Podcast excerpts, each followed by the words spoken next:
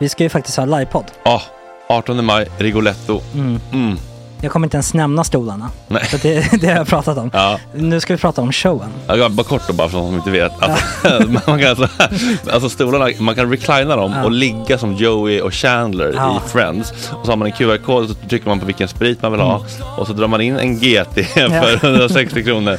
Och sen så kommer den till eh, se- ens Till plats. platsen. Ja, det, Det, det, finns så som, mycket benutrymme också att servitörer kommer kunna gå helt ostört. Vet du vad det är? Det är som business class. Ja, ja, verkligen. Och när vi då pratar om stolarna så kan jag också bara säga att man kan fälla upp eh, mitten, arm, armstödet, så får man en som- soffa. med sin partner. Ja, det man kan kommer bli ja, jätteroligt. otroligt. Och Men vi skit kommer också i ha, stolarna. ja, vi kommer också ha typ två fotbollslag på scenen. Ja, det kommer Alltså. vara, alltså det är svårt att rabbla upp alla i huvudet nu för det är Startelvan. så många. Ja. Men alltså Mattssons massaker, tänk dig den live. Mm. Jo, Jonas Dahlqvists frågelåda. Mm. Ekis, Lady Damer. Vi har Fanny Svärd, Marve. Tora, Tjejnytt gör comeback. Det är, ja, det är på en nivå av mycket folk. Ja, det kommer bli, ehm, det kommer bli något helt annat. Någonting man aldrig har sett på Nej. en scen tror jag. Vi kommer ha allt. Allt kommer finnas. Cirkus och Cirkus. Och det, det som är skönt med, med de där slutna rummen är också att man kan ju faktiskt ta upp saker som man ibland känner att det här kan man inte riktigt ha ute i etern. Nej. Men om Sanna Dollan har fått någon invit från någon gift känd man så kanske man kan lägga upp det på en bioduk. Ja, Alltså vi har tillgång Fotoförbud. till... Fotoförbud.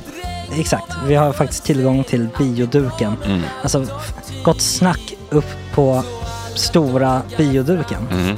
Det är något nytt. Missa inte det här. Nej, det kommer bli otroligt kul. Biljetterna på filmstaden.se.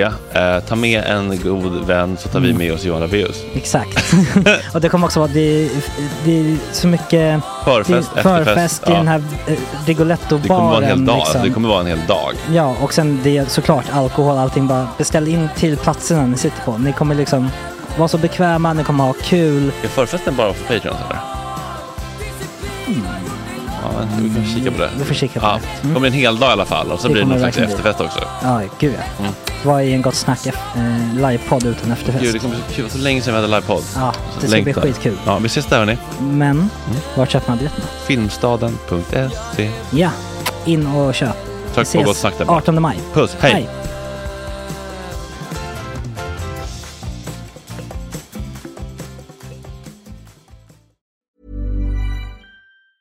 Hey, it's Ryan Reynolds, and I'm here with Keith, co star of my upcoming film, If, only in theaters, May 17th. Do you want to tell people the big news?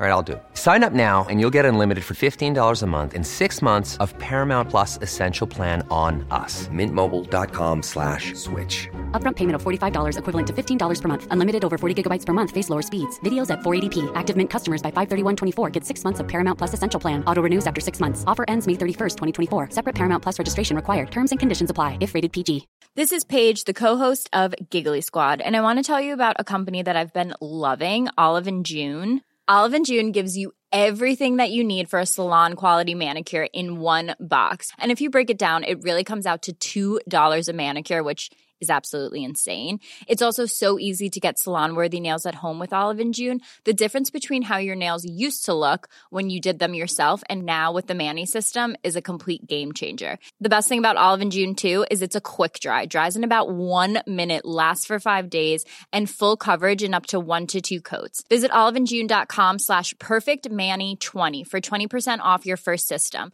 That's oliveandjune.com slash perfectmanny20 for 20% off your first system. Burrow's furniture is built for the way you live. From ensuring easy assembly and disassembly to honoring highly requested new colors for their award-winning seating, they always have their customers in mind. Their modular seating is made out of durable materials to last and grow with you. And with Burrow, you always get fast, free shipping. Get up to 60% off during Burrow's Memorial Day sale at burrow.com slash ACAST. That's burrow.com slash ACAST. burrow.com slash ACAST.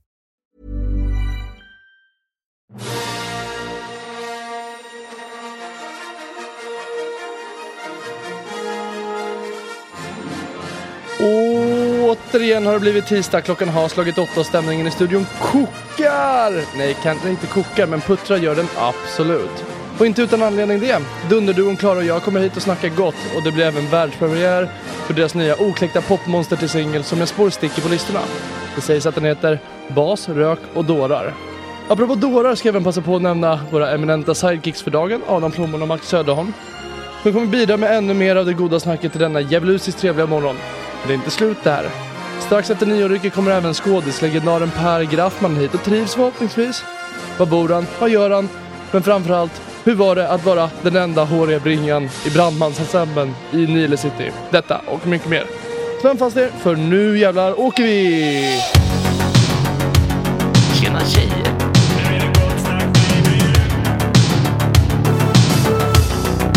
Superrunkaren Gregor.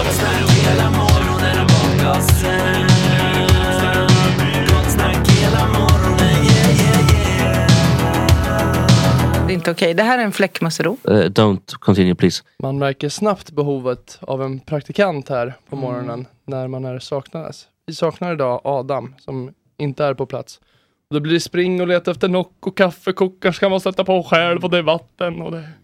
Så jag känner mig helt andfådd här i starten som ni kanske Man hör. saknar inte kon förrän båset är tomt. Ja, vet du vad? Ja men det... det Jag stämmer. tycker det är otroligt dock att ni väntar med, med kaffe, energidryck, Nocco tills ni faktiskt kommer hit. Jag brukar ju behöva ladda och- en, två Nocco innan jag kommer hit alltså. Ja, ja. Jo, men det är precis. Så är det ju också.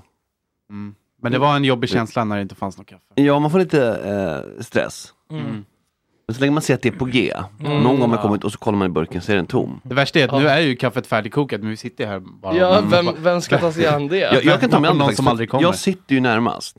Ja. För transparensens skull. Eh, så jag fixar det. För transparensens skull ska sägas också att jag frågade Max om han orkade hämta en Nocco precis 30 sekunder innan sändning här.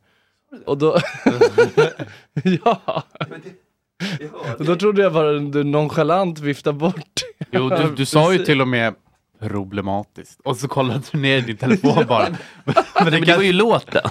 Jaha.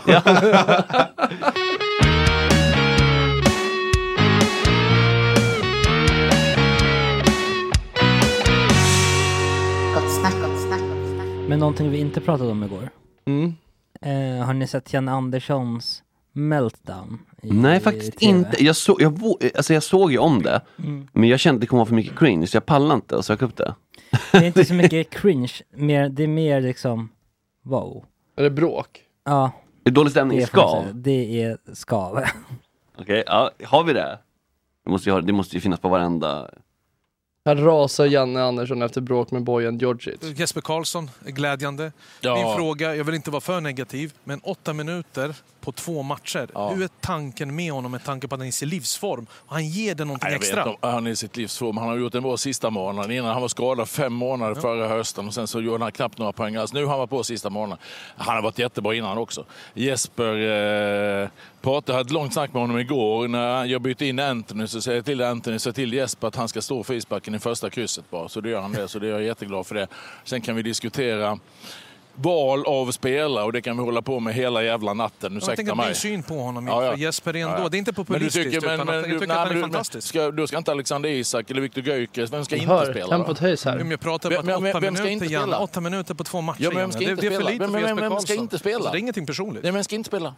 Jag får ta ut elva, vem ska inte spela? Vem hade du Förändra kontrakt? formation, behöver inte vara vem- 4-4-2, spela Ja, ja. 4-2-3-1, Om få du in är honom. förbundskapten, får Eller honom en halvtimme. Ursäkta mig, du får Mycket precis händer vad fan du gör. Inte inte med det tjatet. ingenting. Nej, Varför? Orkar inte med det tjatet. Varför är det personligt? Är Du det kommer hit och säger personligt? du vunnit sista fem utav sex matcherna, Ah, fan. Vi har vunnit med 5-0 så står du och gnäller. Jag gnäller inte, jag frågar om. Jesper Karlsson. Ja, Det är en spelare som kan kommer in hjälpa dig på en mål, andra jätteroligt. plats. Det är ju jätteroligt att han kommer in gör mål. Jo men det är det jag sa, glädjande. Jag vill bara veta, jag vill bara veta hur ditt snack går ju. Det är så här, när jag kommer hit till Inte den här studion så har du stått här och tjatat innan om Ja det har jag. Och så Alltid jag har jag hit. tjatat. Och jag frågar jag en ärlig hit fråga. gånger för jag orkar inte stå och prata du med behöver inte, Det är så jävla dåligt. personligt. Ni är fyra man som konfronterar mig Vem? med Jag frågor frågar efter att fråga. vunnit med 5-0. Men du börjar defensivt att du Ah, har fy vunnit fem fan. utav sista sex matcherna. Som Nej, förbundskapten måste du. Du har representerat 10 miljoner människor. Vad Och vad du hoppar på någon som är yngre Vad än dig. representerar du?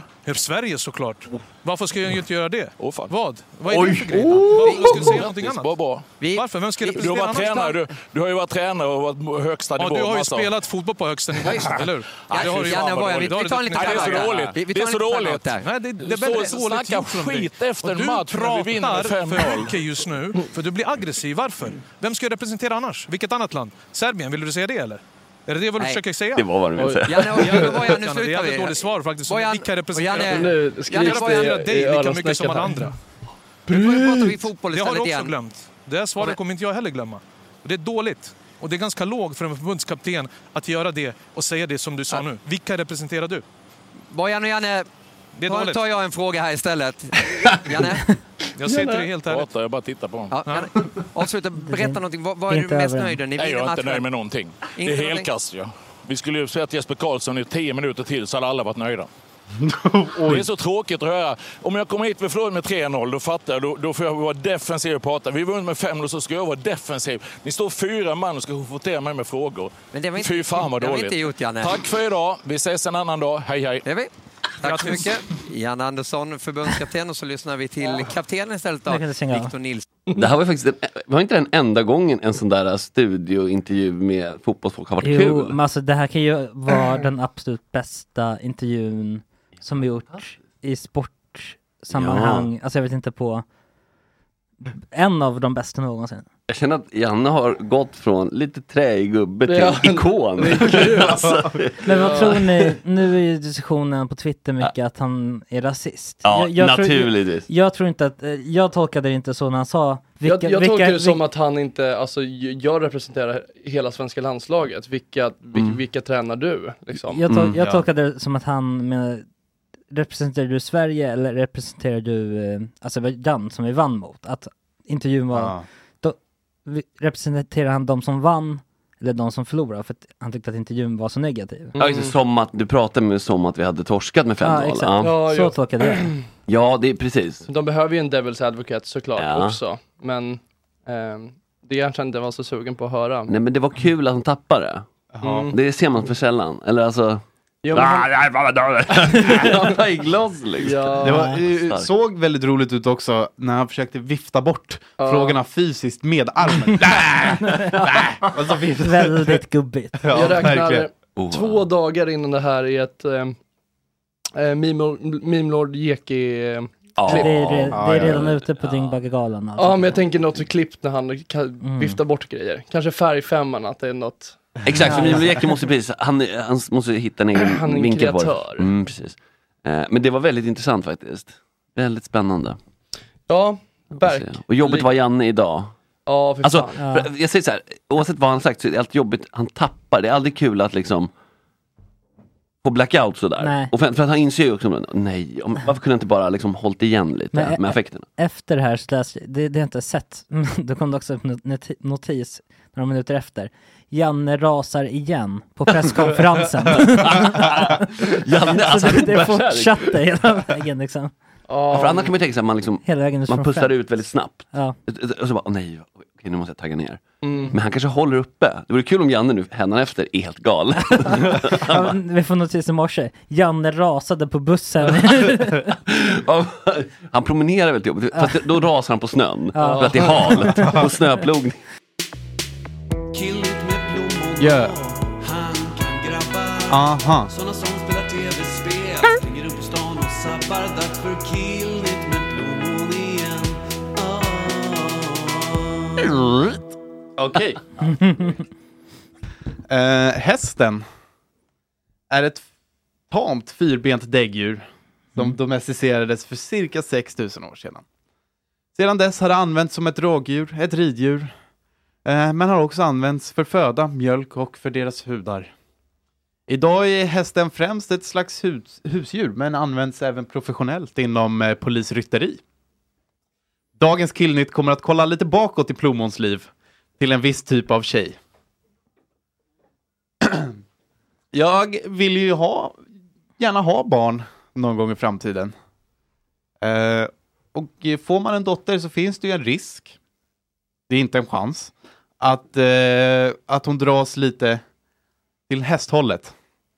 Eh, jag funderar på om jag verkligen skulle acceptera en hästtjej till dotter. Eh, och har radat upp lite för och Okej, nackdelar. Janne Andersson. Ehm, ja, och det här är då vad som står emot att jag skulle acceptera en hästtjej. Så får ni gärna komma med lite kommentarer om ni har några åsikter på detta. Och det första är ju ganska uppenbart, det är väldigt dyrt. Ja. Eh, ekonomiskt eh, svart hål skulle man kunna säga. Ja, det är ett... Det är inte så mycket return on investment. Nej, om det inte blir en eh, racerhäst sen. En Ja, om hon blir typ mm. Jessica Springsteen, eller om det blir en, ja. En travhäst. Om hon blir trav... Eh, Kusk. Kusk. Ja. Ja, Det är lugnt om jag... ehm, det är lugnt om man är rik. Men eh, det är jag, kommer jag nog inte bli. Eh, och det är också dyrt i tid.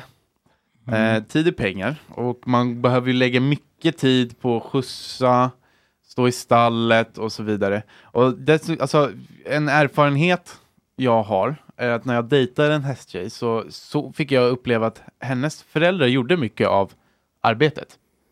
Mm. Eh, särskilt när man blir lite äldre tonåring, man vill kanske gå ut lite grann och då måste ju någon ta hästen. Så då är det lätt att man som förälder hamnar i det eh, svarta hålet. Ehm, Men det behöver väl inte vara någon hos hästen hela tiden eller? nej men det är ju en gång om dagen. Men så, här, då ska- Är det, alltså så är det ju. Ja, men precis, och så beroende kanske på vad man har för deal, alltså om man har, och då blir återigen, då är vi på pengarna. Hur mycket skötsel, alltså om du har typ så här stallplats och någon Mm. Ja, som styr upp det, precis. då blir det ännu dyrare. Men om du ska göra det själv, då kanske du får spara lite pengar, då kanske du står där och mockar medan Mm. hon är på liksom eh, One Direction konvent eller vad det kan vara. Hä- Hästen står utanför en garageport i Rågsved. Beten, alltså. Och den lilla döda Så, den här tjejen som jag dejtade, visserligen så var ju hennes mamma då också en hästtjej. Men eh, jag, det känns väldigt osannolikt att jag skulle skaffa barn med en hästtjej faktiskt. Mm. Eh, nästa nackdel är att hon blir ju nog förmodligen lite konstig. Alltså det finns ju en märklig oklar aura runt hästtjejer. Mm. Håller ni med? Ja. Ja. Eh, alltså det är de... Lite sektliknande nästan. Ja. Ja, behöver vi påminna om Nattryttarna, serien som är faktiskt verkligt baserad. Att det, vet, det blir som de här flickorna som bor på en gård. Jonas Karlsson då i rollen som den här eh, ägaren av gården. Som, spoiler alert, unga flickor, man som håller en ridgård. Jag säger inget mer, det är inget. Det blir konstigt tajta liksom klickar som är Ja. Som inte bör... svårpenetrerade höll jag på att säga, men det Ja, men kan det- jag inte säga. Ja men det är mycket, mycket sektliknande, alltså det är de märkliga namnen, så Johnny von Snopper, Moonlight Dream och så vidare. Det är... Men det är väl trav främst? Eller är det alla Nej, hästar? det är alla hästar. Har, du- alltså, du menar att de har, precis för annars typ husdjur, de skulle heta typ Tusse. Förstår du vad jag menar? Alltså Ja. så här, att hästen heter Tusse. Men de har de här... äh, Alltså hästar kan ju kallas för tusse, men de heter ju oftast alltså Moonlight Dream, Sonata. Ja. Pengaindrivande, bra travnamn. Ja. Ja, det Ja, förväntas väl men- av travhästar att heta så. Mm. Ja, men det är nog inte bara tra- alltså det är nog hästar generellt får sådana namn. Och sen så kanske man kallar dem någonting annat. Alltså, eh, karamell från Amsterdam eller något sånt där kan de heta. Det Så i passet står det Moonlight Ja men precis, Daytona. det är intressant vad det är för tradition. Ja. Det kan vi säkert Ja. kolla upp vid tillfälle. Varför hästar har så konstiga namn. Någon kanske vet det. chatt. Det är någonting med de speciella kläderna. Och sen den här bara absoluta fascinationen med alltså, hästar. Eh, särskilt om man har en egen häst så framstår ju det här väldigt starka, starka bandet till dödsdjuret. Både fint men också eh, självdestruktivt. För det för oss nämligen eh, vidare till den sista nackdelen. Hur sjukt farligt det är med ridning. Enligt den brittiska forskaren, forskaren David Nutt är ridning eh, förenat med större fysiska risker än MDMA, ecstasy. Alltså statistiskt, Ah, alltså att du, det är lättare att du eh, blir fysiskt skadad av att ramla av hästen än det är att du skulle få en negativ biverkning av Ah. eh, MDMA. Oj. Ja, fan, det, där, det kan man använda i argumentationen. Ja. Sluta rida, börja knarka, liksom så mycket slogans. Ja, hade hästar kommit idag då hade vi kanske förbjudit dem. Ja, Det hade nog aldrig blivit lagligt från första början. Var skulle de komma ifrån menar du? Bara vandra ut genom skogen helt plötsligt? Ja. Vilken, va? Det är ju väldigt Legalisera hemskt hästar. Att de bara kommer från, van, en vacker morgon vandrar de ut liksom ur skogen. Ja, och då säger vi nej tack. Ja, alltså att de uppfanns idag. Ja, Ja. precis, ja. ja, men vi skulle inte börja domesticera kanske då? Nej. För att det är liksom, de, är- det är titta på dem och liksom, man vet ju vad de har också i sparkarna. Du vet. Jaha. Ja, det Ehm, känner man till. Finns det då fördelar? Ja, vi kommer dit. Ja. Vi, ko- vi kommer dit. För hästtjejer är ju också, enligt min, alltså, min erfarenhet säger mig att hästtjejer är väldigt tävlingsinriktade. Inte så bra förlorare kanske. Eh, det är mycket prestige i hästtävlingar eh, och att man ska ha en fin häst och det är dressyr och det är poäng och det är medaljer. De har ju lite speciella medaljer också med som Med, med sån tyg som hänger ner, vad kallas det? Som en ribbon. Ja, precis. Ja, mm. Eh, men det här, den här prestigen kan ju lätt spilla över i andra delar av livet. Exempelvis i skolarbetet. Leder till att man känner väldigt stor prestationsångest generellt i livet. Mm. Och det är också negativt. Jag vill inte, att, eh, jag vill inte ha en dotter som mår dåligt. Nej. Men, det Hedra, är, hedra dig. men, tack. Men det är också en klar fördel. Eh, för hästtjejer blir av denna anledning också framgångsrika. Det ska i, gudarna veta. I många områden av sina liv. Disciplinen, som kommer med att mocka skit eh, varje dag i flera år, kommer absolut till användning när man sedan ska plugga kärnfysik eller till läkare, veterinär. Som förälder behöver man inte sätta press på en hästtjej att få bra betyg, för den pressen sätter de redan på sig själva. Så, och en spaning här är också att många hästtjejer som ville bli veterinär som barn istället bara blev läkare. Det är en spaning. Ja. Mm. Och det, då kan du vara stolt. Ja. Ja, Det Även för en veterinär. Ja gud verkligen. Om de tar Ja. det spåret istället. Eh, den andra fördelen jag ser är att ditt barn kommer bli väldigt fysiskt tåligt. Alltså hästar är ju mycket farliga djur och det är vanligt att man skadar sig genom fall. Mm. Stallhänget innebär också många tunga lyft. Och dessutom, det här pratade vi om innan, dessutom är det ju rätt skitigt där. Mm. Eh, lite skit rensar magen, stärker den och man blir odödlig. Mm. Du kommer därför inte att behöva oroa dig för att rensa i förråd och liknande innan du dör. För din hästtjej klarar det galant även sedan i medelåldern. Tänk att de ska dött. Städningen är fixad redan. Ja. Eh, en bubblare till, ehm, till nackdel är att hon kan bli vegan. Aha. För jag tror att den här närheten till djur och så gör eh, bandet, det emotionella bandet med hästen gör att man, man tycker det är jobbigt när djur dör. Mm. Så det är en bubblare, men sen kan man ju ha lite olika syn på om det är en nackdel eller en fördel. Ehm, sammanfattningsvis då, kan jag säga att jag nog hade tillåtit det här ändå. Eh, att min, min eh, dotter blev en hästtjej. Eh, för det är nog till slut fördelaktigt. Ja. Ja, det här kan man dröja sig Alltså, kvar. in, inte ekonomiskt kanske, men... eh, Nej, för att jag undrar Men om... av, äh, återbetalningen då, eh, som vi var inne på innan, att det, kostar, att det var ett ekonomiskt svart hål. Ja. Det Mm. kanske inte stämmer i och med att de kanske tjänar mycket pengar sen. I, Ja just det, men att de blir en viss typ av person som sen får en Exakt. viss typ av högstatusyrke och så vidare och så De kan vidare. betala tillbaka de pengarna. Det är min... Ja, fast... Inte som ett lån, utan Nej. att de tar hand om ekonomiskt Ja. om det skulle gå dåligt för en förälder. Exakt, för, eller sen när det är dags liksom att börja tackla av som förälder Mm. Så vet man att nu är det payback time. Ja, exakt. Ja. Jag är inte övertygad att, om att eh, jag hade betalat för mina föräldrar och fixat för dem bara för att jag tjänade en massa pengar. Nej men jag tänker, nej precis. Man måste men, övertala dem om den delen också. Man måste vara en bra förälder som Exakt. tycker om en. Precis, så att, och där har du ju att du investerar pengar och känslor. Eh, Kanske också för att du bryr dig om din dotter, inte bara för att det sen ska upp enkel ålderdom. Men det är ju inte en nackdel.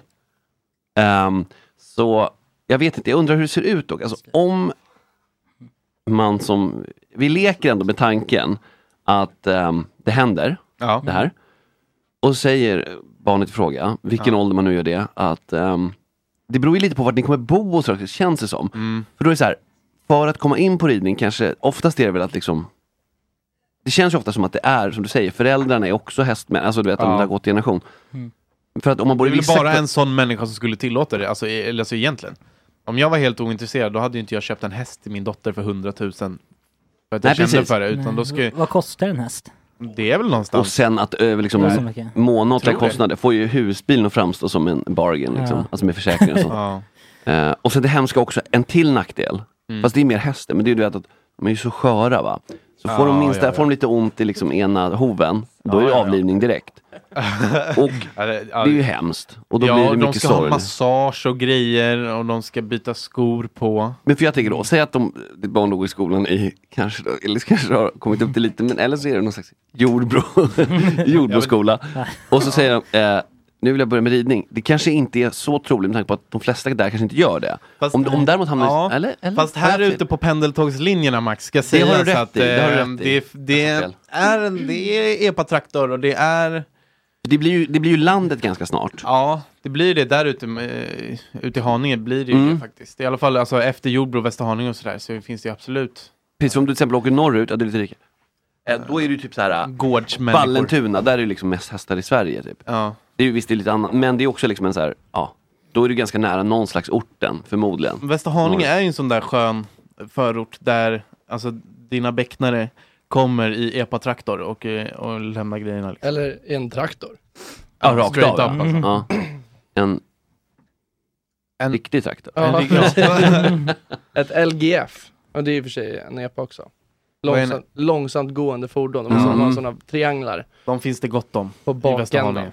Men, ja, spännande. Ja, vi tackar Plommon för hans eh, tajta och koncisa killnytt. Ja, Verkligen, något att fundera på. Klara och jag, välkomna Ja, men upp på tack. scen. Tack snälla. Åh, gud. Mm. Klara Tuva Wallman och Johanna Frostling, välkomna hit. Tack. Tack snälla. Hur gick det att ta sig hit? Ganska Eh, dåligt faktiskt. Ja, fan den ovärdigaste morgonen. Berätta. Nej, men, Nej, eh, det har ju bestämt sig för, eller världen har ju bestämt sig för att bli vinter igen, som Mm. alla vet. Och eh, det medför ju att man får stå lite stilla i knökfolk tunnelbana. Ja, det var det Mm. äckligaste. Jag gjorde också vinterns första vurpa. Är det sant? Ja, så sista mars. På väg till tunnelbanan. Måla bilden. Fruktansvärt. Men det är som en, någon slags så här, jag bor vid eh, Torgsplan. Eh, och där är det liksom en lång så grusad, grusväg typ. Och nu är den ju inte grusad då på, när det har snöat. Eh, och där är liksom pilgrimsfärden från eh, Fredhäll till tunnelbanan. Och eh, där ramlade jag. Och man, man är så konstig också. Vad ska säga. Det är så pinsamt att Ja, det är ramla. så pinsamt. Man låtsas att det gick jättebra så gick det inte alls bra. Hur många bevittnade detta? För det kan ju... Alltså jag skulle i runda slängar typ eh, eh, 35. Personer? Ja, Oj. både framför och bakom. Aha. Så det kom också så fram folk och bara, men gud hur gick Nej, det? Och då blir jag så här, måste ni fråga hur det gick? Eh, för det är typ taskigt. Ja. Eller, eller är det? Men tänk om Eller du ramlar på svanskotan och eh, behövde... Men var du uppe vid det laget? Eh, vård? Man, man flyger ju upp. Man flyger ju upp. Ja. Det har aldrig hänt. Jättefort. Nej. Jag man måste ju assess the situation som uh, åskådare. Exakt. Av att, så här, Oj, gick det bra? Då kanske man bara ska Låta, live and let live. Ja, ja men lite så här, typ så. Och så här, ha, bryter man svanskotan, då tror jag ändå att så här, det adrenalinet gör att man typ märker det först när man sitter på tunnelbanan. Mm. Ja. Alltså, man, Man hade ska kunnat, aldrig fråga någon hur det gick. man hade kunnat bryta hela kroppen och ändå så reser man sig upp och ler och vinkar. Ja. och bara, Skammen är så Man skramlar liksom iväg till tunnelbanan. ja, Ja, tufft. så var det. Jag har peppar peppar. Yet to fall this winter. Mm. Det kommer ska du se. Ja. Har ni brutit något på en sån här klassisk vinterolycka? Hörnen är ju lömska här i stan. Av Ja, att- du ska, du ska Hörn? svänga ett hörn. Vadå, Alltså. på uh, husen? Ja, man ska runda ett hörn och så är Ja. det liksom isbana precis. Mm. Liksom Ja, just det, en, just det, en just det, fläck som Mm. alla liksom nötte in under dagen. Så. Jag trodde faktiskt att du menade att, det, att eh, hörnen på husen är lömska och att man går in i Det var ingen avståndsbedömning. Aj, aj. Men typ, men det är också en bedömning. Jag är otroligt istappsrädd från att min mor har skrämt upp mig. Ja. Som liten Men det barn. där har jag också som fobi verkligen. Mm. Så Att, jag, på vintern vet jag inte var jag ska gå någonstans. nej, men man får gå mitt i gatan typ. Ja men det på riktigt så känns det mycket säkrare. Ja, men det gör typ det alltså. För att så här, om du ändå har ögonen med dig så Mm. Har du lite uppsyn över trafiken liksom. Men ofta för de in, liksom, präntade små stigarna i snömodden på liksom, trottoarkanten, de ligger precis under, de ligger i skottlinje med tapparna. Jo men man minns ju, eller hur? Att det var så här nyheter om att någon fick en i skallen. Och... Men Ja. var det det verkligen? Eller, Ja, alltså, var, jag min- Men det händer. är det en känsla av att Det händer. Folk, gör det? folk dör av istappar. Ja. Hur många dör av istappar Ja det är frågan, jämfört med hästar liksom. Jag tror att det är i snitt en varann, varannat år. En Det är ganska mycket ändå. Ja det är faktiskt. Det är Det var ju är en så- alltså- Lotten i pizzan som, som, eh, nu ska vi se, 49, nej det här är 49 i Stockholm. Ja. I mars månad. I mars. Januari Istapp 20, kyrkogården. 2002 dog en person efter att ha träffats av en fallande istapp. Ja. Oj, det var ändå från ovan. Ja, men det där hade kunnat vara jag. Alltså, det där är jag om man inte passar sig. Ja, Men... Det är ironiskt, alltså. Det är så- 2011 var det en 14-åring som dog, Ja, så det är ganska. Det är Jag gjorde, faktiskt jag, tror, mörkt. jag gjorde den värsta sån vurpan, det var inte den här vintern, det var några vintrar sedan. Jag tror jag har pratat om den förut, men det ta upp igen. För jag bor vid en backe. Eh, och så halkade jag i början av backen. Och då glid, åker man liksom ner på rygg eh, mot ett par som går så försiktigt ner för backen för att inte halka då. Och jag kommer glidande. och man kan inte- bowlar omkull. Ja men exakt, man kan inte stanna liksom. Men de ramlar som tur inte. Men jag åker in så här bredvid saxen liksom. Mm. Varsitt ben på varsin sida av de två. Liksom. Det var också en otroligt jobbigt. Och så är man helt blöt på hela ryggen och byxorna. Ja, och typ död. Ramlade även de? Nej, de klarade sig. Men det var nära. Ja, alltså det, jag det är ska- också jag vill- skam, det är en trippelskam då, Mm. när alla ska resa som trassla ut sig som i Mm. eh, Ja, precis, man ligger där i en slags ormgrop. Och, Mm. Handväskorna har Ja, surrats ihop. Och sen åka tunnelbana och alla ser ju vad som har hänt liksom. Man kommer inte undan heller. Och det var ganska nära tunnelbanan. Så alla de som var bakom skulle ju också ner i tunnelbanan liksom. Mm. Det är när man får en stor härlig publik. Ja, som Ja, jag vet, som följer efter en. Det var så jag kände Ja, också. Så jag var så på väg att ta av mig jackan för jag bara, de, de får inte veta att det är jag. Det var- Nej just det, precis, det var, det var hon som ramlade. Men hon hade en jacka hade jag för mig. Det kan inte vara. Du får alltid ha så här peruk i väskan. Ja, men, ja, Mm. exakt. När man går till tunnelbanan så har man peruk, alltid. Man känner sig sugen på att liksom ta tunnelbanan åt fel håll en station bara för att man ska komma med nytt folk. På Mm. nästa Ja, men det har ju gjorts. Det har gjorts. Jag är lite sugen på att om man hittar en sån här fläck där det är väldigt mycket, alltså halka, där man har insett okej här kommer folk halka, att man har någon slags alltså, kameraövervakning. Jo, för man vill... alltså, Det finns ju några välplacerade kafén här i stan som man Ah. skulle kunna sätta sig. Ja, där det- man kan bara, som fågelskådning. Ja, precis, ja där. men det skulle man kunna göra. Och Det då kan man också hugga in, eller Ja. hjälpa till om det faktiskt händer något på Ja. riktigt. Man Jag vet. gjorde det med en hundbajs i Aten en gång. Satt på en eh, restaurang och så Ja. låg det en hundbajs och bara satt där och kollade på alla som gick. Ja, det är kul. Det finns också någon, Gillar när man ser bara det kommer hända, det kommer hända, Ja. det kommer hända, nu händer det. det finns någon bar med en sån liten ogulmärkt tröskel liksom. Som bara är som ett litet trappsteg på en decimeter. Mm. Där folk tenderar att snubbla väldigt ofta. Det är ju drömst att sitta. Ja, Bara sitta i baren där med en öl. kittlingen när du Ja. ser, Ja, nu det kommer någon, nu Då kommer de med en hel bricka du, med shots liksom. Och det är Känner ingen som något- ramlar liksom och slår sig utan det är bara den där Ja, men det var skam och sen upp och sen se, det roliga är ju ofta då liksom att se den här reaktionen. Ja. Ingen har sett Ja, jag vill inte att någon ska skada sig, jag vill att Nej. de ska skämmas. Mm. Det vill jag. Men Man vill känner, känner ni någon så här, vad heter det, inte sk- eh, det heter så mycket som, hallå? Känner ni något, eh, nu, Hallå? nu blev det svårt. Vad är, det- vad är det för... Det jag Beskriv. försöker säga är att man eh, bör göra någonting. Vad heter det? Ansvar Behov. heter det. Ja, ja. Känner ni något ansvar om ni går förbi en jätte, en så här hal isfläck typ och ser en äldre person och säger till om den? För jag brukar alltid tänka, nu borde jag säga till, där är det halt. Ja. Om du ramlar nu, då kommer jag ändå ta på mig lite, om hon skulle dö, Ja. kommer jag ta på mig den. Men det där är en sån fin linje. Mm. Alltså för att eh, det är ju samma med så när man sitter på um, eh, bussen. Om man ska Eh, resa sig. Ja, om man ska resa eller inte. För det kan ju verkligen vara en riktig insult. Alltså, Att folk blir arga ja. ja, Förutsätter du att jag är gammal gud, så skröplig? gammal är jag inte. Liksom. Mm, Det jag, är så svårt. det jag kämpar med det dagligen när jag ska Ja. sälja SL-biljetter. Mm. Fråga om de har eh, fyllt... Eh, Rabatterat eller Ja, inte? Ja, ja. precis. Men jag- ga- oh. men jag hittade en ganska snygg lösning. Jag frågade, är du, är, du, är, Pensionär. är frun student? Ah. Ja. så bara. Fråga om de är studenter. Åh, det tycker hon är så Mm. mysigt. Jag är 78! Åh, nej, Ja, det är bra. Så blir det en liten banter av Ja, det. exakt. Bra. ja, så skrattar vi alla gott tillsammans. Ja, vad fint. Men då, vet du, du borde ha så här, det var någon som föreslog, eller det kunde du föreslå, men så att om, om man kunde ha någon slags pin eller liknande symbol på jackan så här, please, liksom. Help me. Ja, please help me. Nej, men typ så här, eh, eh, offer a seat typ. Alltså förstår du? Så att, så Ja, att man inte behöver ta det. en diskussionen, så att, för det kan ju vara osynliga handikapp och sånt också. Ja, ja, Ja. Eller, ja. eller vad det kan vara, liksom, whatever. För då skulle du bara se den där och bara, okej, ja, vill Men så skulle ju vem som helst behöva- kunna ha. Ja, skulle jag också kunna. Ja, just skulle aldrig behöva, behöva stå upp ja det blir sant, okej, igen. okej. Men man får väl ändå hoppas att de flesta skulle så här, Men typ som Ja, handikapparkeringsbiljett. precis. Ja. Just för att slippa den här, så att säga, bedöma.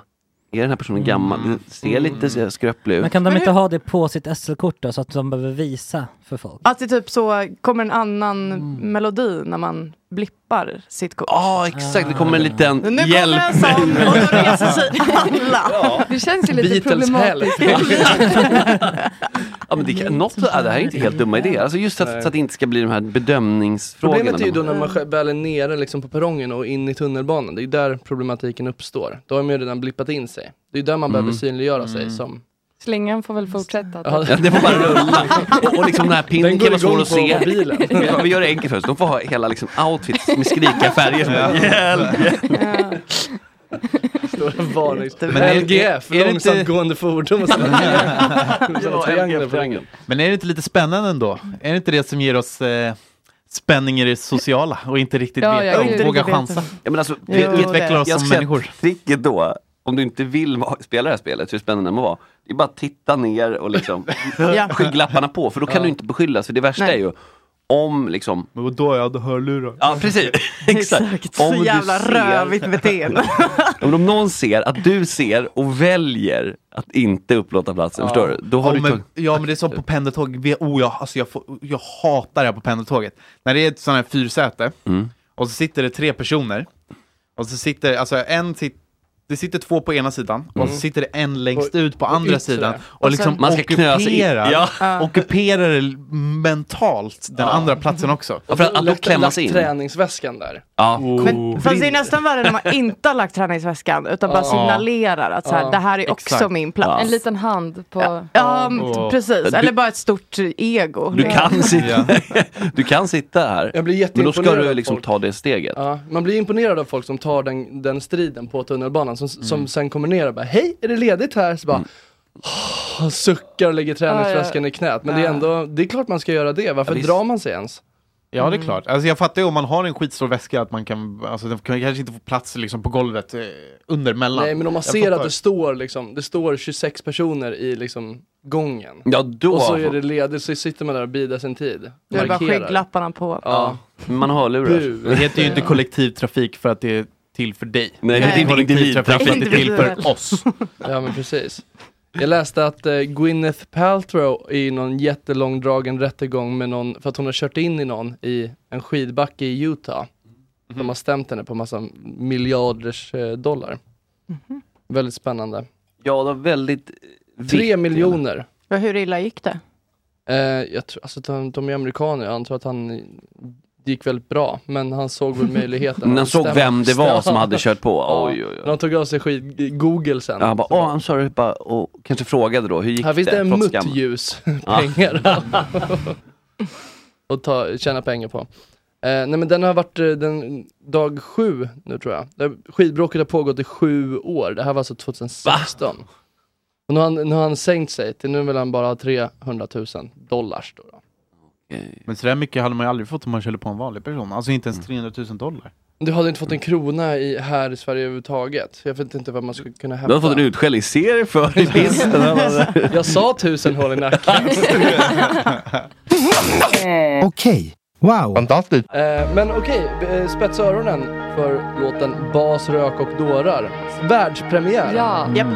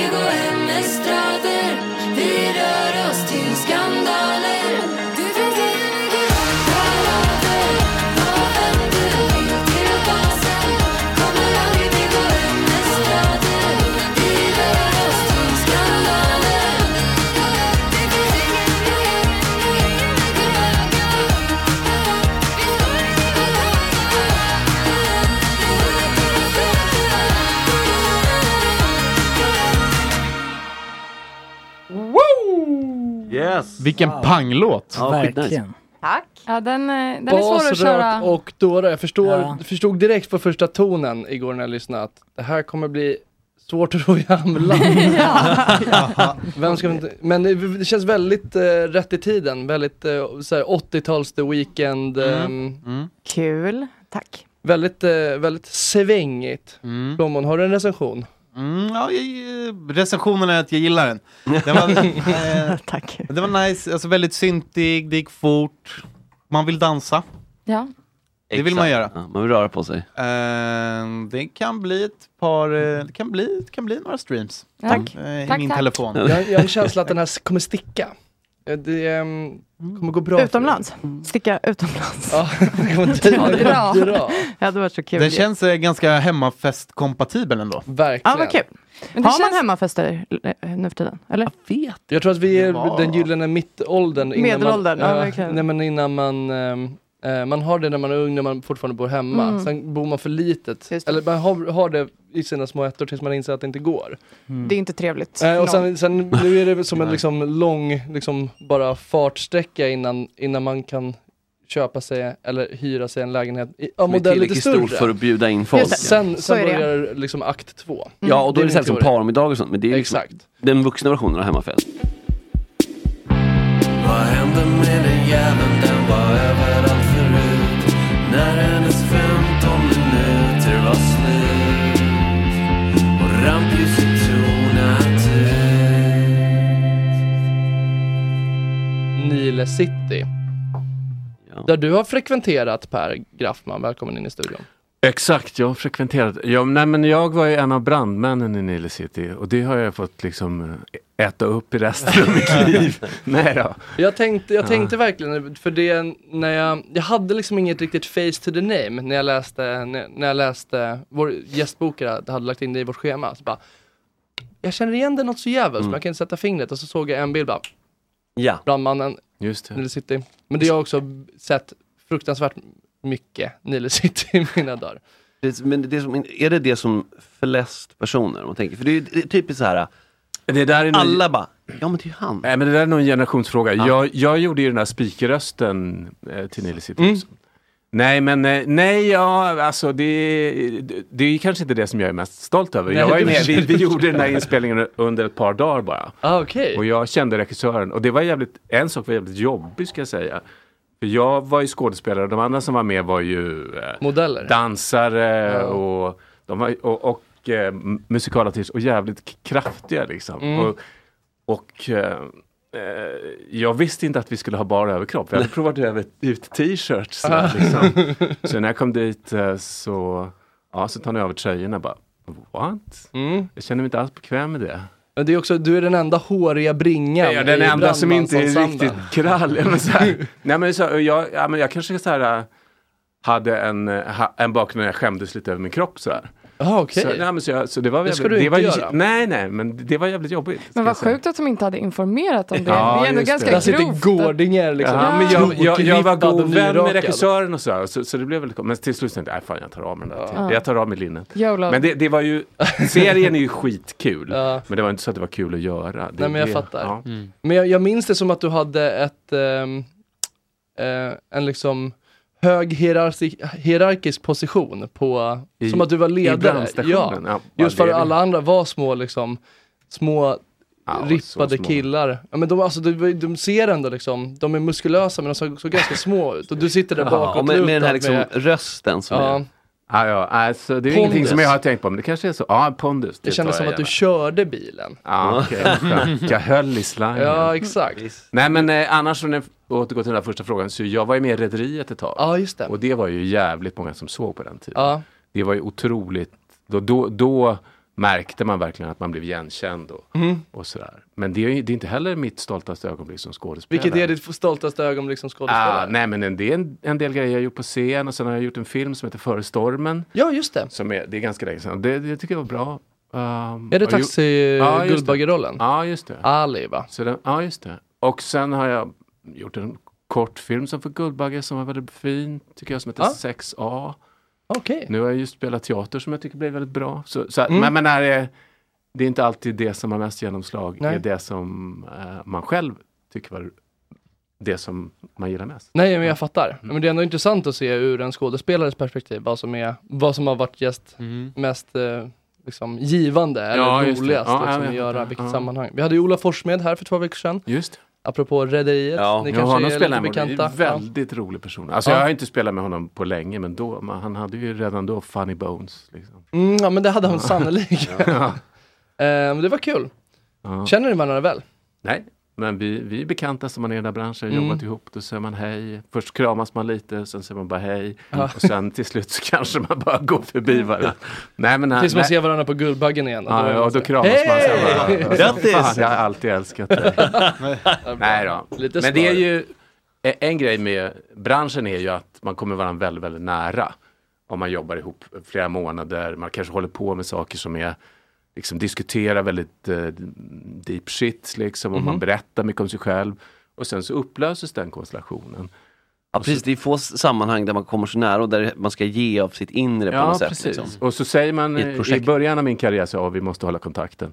Och nu säger man bara, ja. Det är lite som kollo, typ. Ja, det Ja, är det är kollo. Ja. Stora Kanske. upplevelser, kanske kan vara lite omvänd mycket känslor. Ja, ja. Och sen hör- åker man åt varsitt håll. Ja, Ja. jag hörde ni prata om cola, för Ja. jag har inte varit på cola. Har du inte det? Nej. Var växte du upp? Jag är uppvuxen på Lidingö. Det vi, kollo vi, sig. vi, hade, vi hade sommarställe, vi behövde inte. Ah, ja, ja. Nej. På så vis. Vad var sommarstället? Eh, vi hade eh, mellan Grebbestad och Havstensund på västkusten, när jag var liten. Ja, trevligt. Har ni sålt det eller? Eh, Ja, mina föräldrar, jag hörde ni prata om skilsmässa, mina föräldrar skildes och i samband med det så såldes det. Ja, det är alltid Ja. tråkigt Ja, man förlorar tråkigt. ett eh, Ja, jag, barndomshem sådär. jag tror inte riktigt jag förlät min pappa faktiskt. Är det sant? Hur gammal Nej. var du då? Tio. Ja. Ja. Ja. Nej men eh, det, var, det kändes inte som en rolig grej. Men det, det, jag, jag hörde ni prata om skilsmässa det, även när man är tio är det jobbigt. Mm. ska jag säga. Tycker jag. Men let's not go there. By all means, Ja, go there. det, det Inga problem Nej, här, jag tänker att det Ja. kanske är vatten under broarna nu. Ja, Några- här, några självklart. några år senare. Ja, men nu är man ju själv i, ja, men äldre än när mina föräldrar skildes. Men det är klart att man förstår att livet är komplicerat på ett helt annat sätt. Ja. Då, då när man är barn så, eh, så tycker man det är självklarhet. Eh, och sen förstår man att... eh, Tvåsamheten och sådär. Ja, liksom Ja, vad, men jag vad, man, säga det. vad man sätter sitt fokus. Liksom. Ja. Ja. Mm, det är lite svårt att greppa det här, men varför vill ni bara inte bo ihop? Ja, just det. Ja. Ja. Det var så mycket roligare. Man kan förstå kärleken, men man kan inte förstå liksom den komplicerade dynamiken och det Nej, som krävs av Ja. individerna. Så att man har precis börjat få grepp ålder 10 Just det. om hur, hur det funkar. Kanske har skrivit sitt första kärleksbrev och stoppat i Ja. skåpet. sådär. Men man har inte Jag gått igenom sin första skilsmässa, alltså som enskild person. Eller sitt första Ja, fast jag tror, jag, som tror faktiskt är- att man kan känna det, de känslorna som en skilsmässa även som ett barn om man till exempel inte får vara med eller det är en vän Ja. som väljer Ja. en annan vän. Jag menar, jag tror många av de här grundläggande sakerna, Ja, visst. det- om man kopplar tillbaka till skådespeleri så här, man, Mm. man säger så, ja, men man måste ha, ha gjort varit igenom en skilsmässa för att kunna gestalta det, men, men så tror inte jag det är. Nej, Jag Nej tror att man har det finns liksom, väl ja jag tror att latent inom sig kanske. men det gäller bara att liksom hitta vägarna till att förstå vad det är som liknar här. Vad, vad är det för, liksom, vad, vad har man för referenser till olika situationer själv? Mm. Exakt, för paletten med känslor är ju liksom grundläggande. Jag tror det. Ja. Ja. Eh, apropå föräldrar och din pappa kanske mest spec- eh, specifikt, eh, var ju även han eh, i filmbranschen. Just det, ja, ja, just det, han var ju skådespelare och regissör och gjorde lite tv-serier och sådär. Gjort eh, både Vita stenen och Madicken. Oj. Just det. Då blev jag lite golvad faktiskt, det visste Ja, inte det är jag. lite coolt. Bra filmer. Ja, Vita stenen, jag är förälskad i den när jag Mm. var liten. Ja. If you're looking for plump lips that last, you need to know about Juvederm lip fillers. With Juvederm Volbella XC and Juvederm Ultra XC, your lip look, whether it's subtle or bold, can last up to one full year with optimal treatment and no additional maintenance. Find a licensed specialist and see if it's right for you at juvederm.com today. That's J U V E D E R M.com. Add fullness to lips in adults over 21 with Juvederm Volbella XC or Juvederm Ultra XC. Do not use if you have severe allergies or a history of severe allergic reactions, or if you're allergic to lidocaine or the proteins used in Juvederm. Tell your doctor if you have a history of scarring or taking medicines that decrease the body's immune response or that can prolong bleeding. Common side effects include injection site redness, swelling, pain, tenderness, firmness, lumps, bumps, bruising, discoloration, or itching. As with all fillers, there's a rare risk of unintentional injection into a blood vessel, which can cause vision abnormalities, blindness, stroke, temporary scabs, or scarring. For full important safety information, visit juvederm.com. I'm Sandra, and I'm just the professional your small business was looking for. But you didn't hire me because you didn't use LinkedIn jobs. LinkedIn has professionals you can't find anywhere else, including those who aren't actively looking for a new job but might be open to the perfect role, like me. In a given month, over 70% of LinkedIn users don't visit other leading job sites. So if you're not looking on LinkedIn, you'll miss out on great candidates like Sandra. Start hiring professionals like a professional. Post your free job on linkedin.com/people slash people today. Hey, it's Ryan Reynolds, and I'm here with Keith, co star of my upcoming film, If, only in theaters, May 17th. Do you want to tell people the big news? All right, I'll do it. Sign up now and you'll get unlimited for $15 a month and six months of Paramount Plus Essential Plan on us. Mintmobile.com slash switch. Upfront payment of $45 equivalent to $15 per month. Unlimited over 40 gigabytes per month. Face lower speeds. Videos at 480p. Active Mint customers by 531.24 get six months of Paramount Plus Essential Plan. Auto renews after six months. Offer ends May 31st, 2024. Separate Paramount Plus registration required. Terms and conditions apply if rated PG. Och då måste jag säga, eh, skomakarens dotter Shiri spelas av min mamma. Så det Ja. finns en koppling, Gunilla. Så. Jo, jag, jag vet. Ja, Jag ja. har lite kontakt med henne. Ja, ja, ja. ja, hon har säkert lagt till på Facebook. Ja. Väldigt, väldigt pigg på. Ja, han har acceptat så här. Alltså det, Det är inte TikTok. Det är nej, nej, det, nej, det är Facebook. Men det är, om man ska nu göra lite deep shit så här. Ja, gärna. Min mamma spelade skomakarhustru och hade bra kontakt med, med din mamma Ja. och de andra. Och, så här.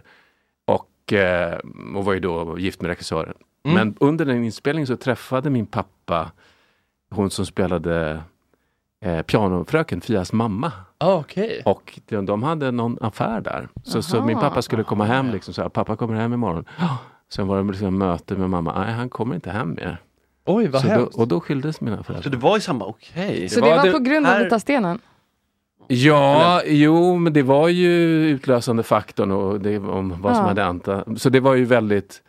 Och sen levde min pappa tillsammans med Monica då som han hette resten Mhm. av sitt liv. Vad hade ni för relation? Eh, vad fan tror du? Nej, då. Nej men vi hade, vi hade ganska eh, bra bitvis, komplicerad. Det, det är klart att vi tyckte att det var eh, Skilsmässan var väldigt svår, min mamma blev helt förkrossad. Och vi levde ett helt, min pappa levde på en helt annan, vi bodde ju på Lidingö men vi, vi flyttade från hus till lägenhet och min pappa bodde, liksom, vi hade en helt annan ekonomisk och social situation i min familj som var min storebror Mm. och jag än min pappa hade sin. Så det, det, var, det, är klart, det väckte jättemycket känslor. Ja. Och jag var ofta så här, man kom hem och, och eh, liksom skulle äta middag och hon var med. Och, men liksom, och det, det började bra, sen började jag komma med pikar så här, liksom underminera och då gick hon ofta Giftig iväg. stämning där runt Ja, det var giftigt och jag var, jag var inte rädd för konflikt. Så att det var ganska mycket, det var ganska tufft då. då. Mm. Eh, men eh, ja. Men att inte vara rädd för konflikt, har du tagit med dig det sen? Alltså, har det följt med dig i livet? För det kan Eh, ju kännas- jag, var, jag var så här, eh, jag, jag var arg ganska länge men nu är jag lite mindre arg. I alla fall. hur, hur blir Nej det? men jag, jag, jag eh, var sådär, du vet, jag spelade fotboll och jag var den, den ruffigaste och jag spelade i punkband sen rätt mycket. Sådär. Jaha. Så, Vad hette ni? Eh, först hette vi Besserwisser Boys. Bra namn. Ja, verkligen. Sen hette vi De ståndaktiga tennsoldaterna. Och vi har haft lite revival så jag har börjat spela igen. Nej, Ah, kul. Vänta nu, så du giggar med det här gänget? Nej, men jag har spelat med de ståndaktiga några, några spelningar. Vad är din roll i bandet då? Jag spelar bas och sjunger då. Men eh, nu... är- Sitter bredvid Ja, en, ja. likasinnad. Ja, 100 procent. Vadå, basist? Ja, men. Fan, jag har så jävla bra basar. Vad har, vad har du för bas? Ja, Nu börjar det goda jag, har snacket ta vid. ett, jag, har ett, jag har ett tiotal. Oj! Jag har, den eh, bästa är en eh, Precision från 62. Oj! Ja. Det kan jag, där uppe, ja jag har ju för en Rickenbacker så Ah, att okej.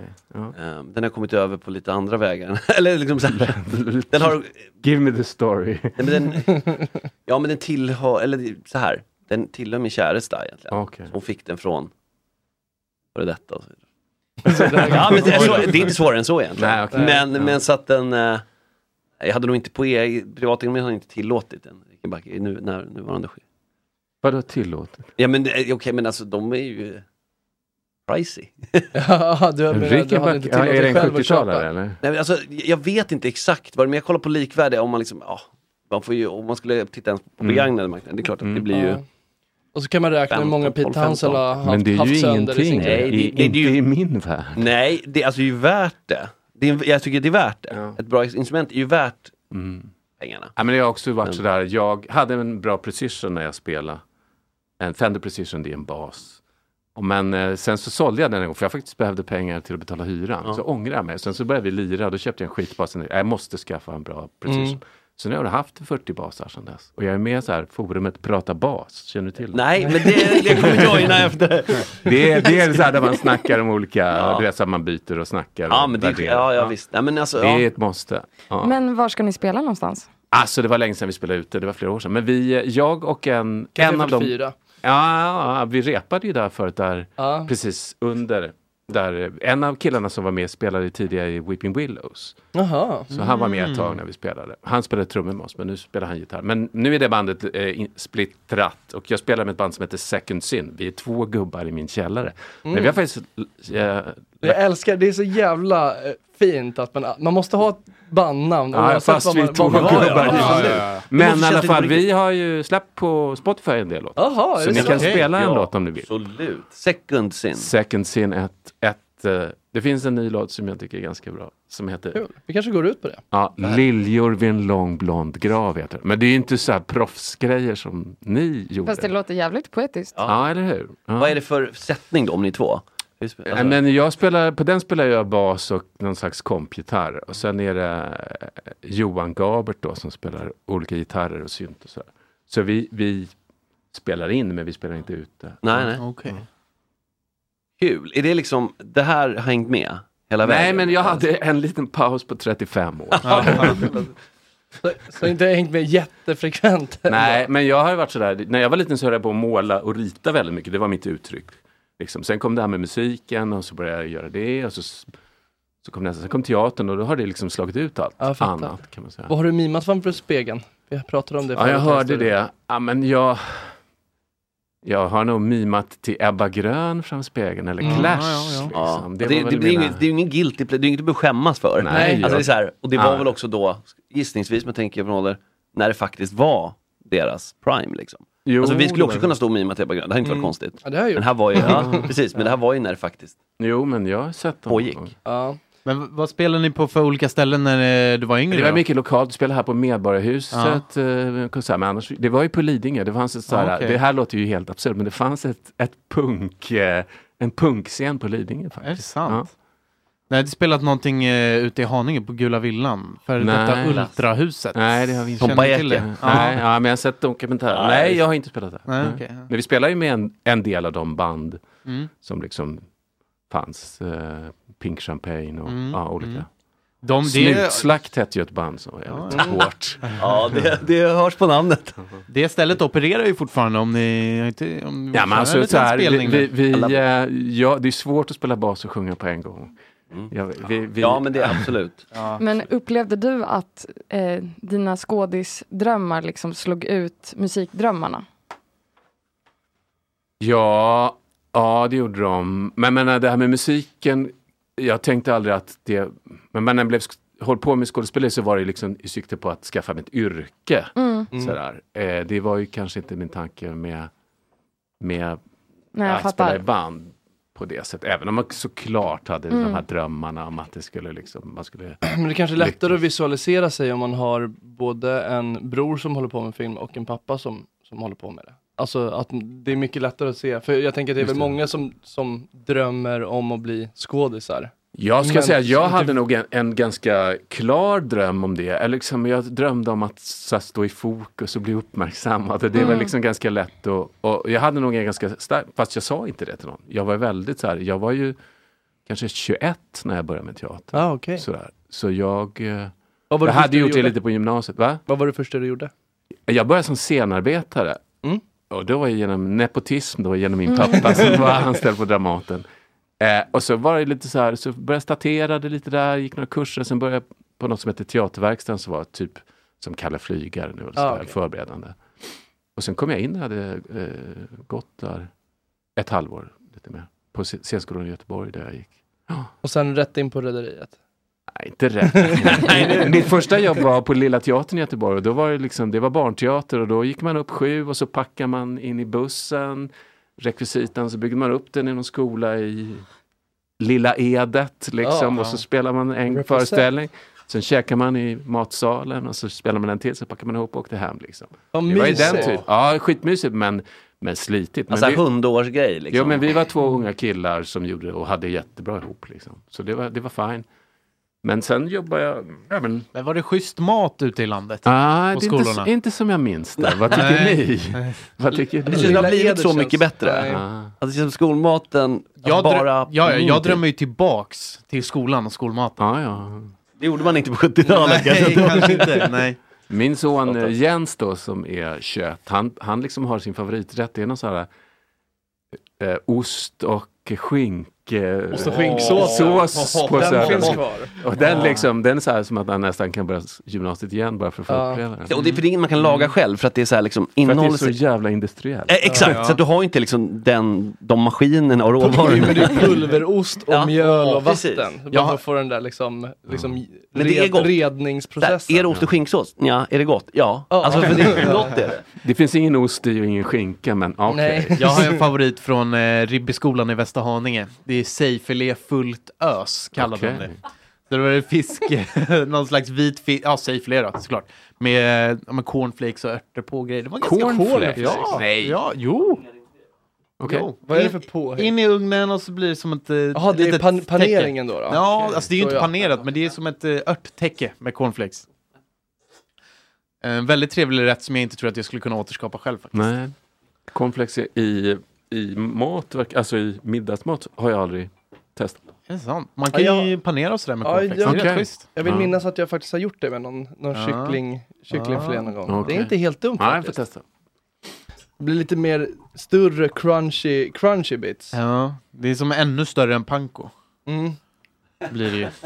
Potatisbullarna är också en go-to. Åh. De är det ju är typ så här, jag kom på det för något år sedan, bara, just det, man kan ju faktiskt köpa frysta potatisbullar. Det är Fan, så jävla Alltså gott. det är trygghet. Ja, det är det verkligen. Lingonsylt och potatisbullar.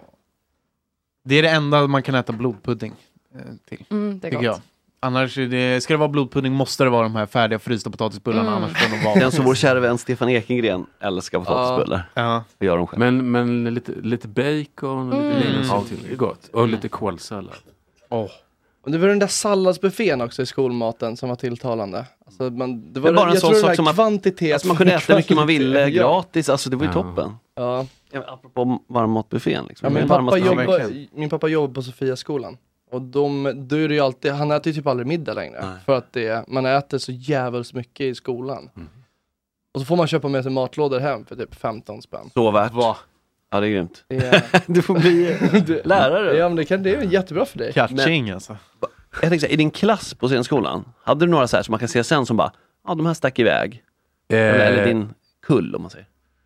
Du menar stack iväg att de, att de var väldigt, hade en, blev uppmärksammade i sin karriär? Ja, Så- typ eller som var väldigt bra också om det är jag några tyckte som det var många som var bra. Men eh, eh, de flesta i min ålder är, är ju inte aktiva som skådespelare lä- längre.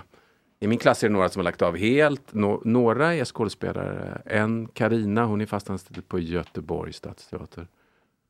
Uh, sen är någon är teaterpedagog, någon är sjuksköterska, några regisserar. En, eh, Francesca Quarti, hon var teaterchef i Skellefteå. och Sådär.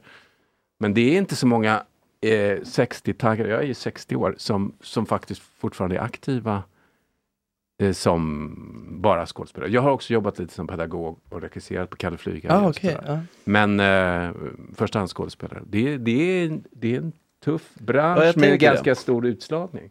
Ja, men ett par, ja, men säger, ett par år innan mig gick ju Per Morberg till exempel i, i min klass. Året efter gick eh, Robert Gustafsson. Okej. Så det var, det var ju folk där som har blivit väldigt uppmärksammade. Och det får man ändå säga. Jag tänker scenskolan tycker jag är spännande. Hur var den upplevelsen? För det känns som en värld, det är helt bra. Om man inte gått den eller liksom varit inne på det, så har man ingen aning om hur det ser ut. Liksom. Hur, hur fylls de här åren? Förstår du? Med liksom... Ja, det är som kollo. Ja, ja, det är långt koll. Det känns alltså det är ju liksom en hög tröskel in, men vad händer där inne? Det Alltså det, de säger det är svårt att komma in på scenskolan men det är ännu svårare att gå ut. Mm. Eh, f- nej men eh, oj, bara referera till mig själv. Jag var som sagt, jag kanske så här i efterhand tänker att jag, de, de som gick i min klass hade hållit på några år, kanske haft fria grupper, gått andra förberedande skolor. Kanske jag också borde ha gjort. Mm. Så att säga. Men eh, eh, puff, man kommer vara väldigt, väldigt nära och liksom många har relationer med Ja, varandra. ja, ja. Alla, för, alla förhållanden som man hade inne spricker för man får helt nya referenser. Liksom. Och sen är det ju då eh, de här teaterhögskolorna som det heter numera, de är ju också en slags inkörsport till en bransch.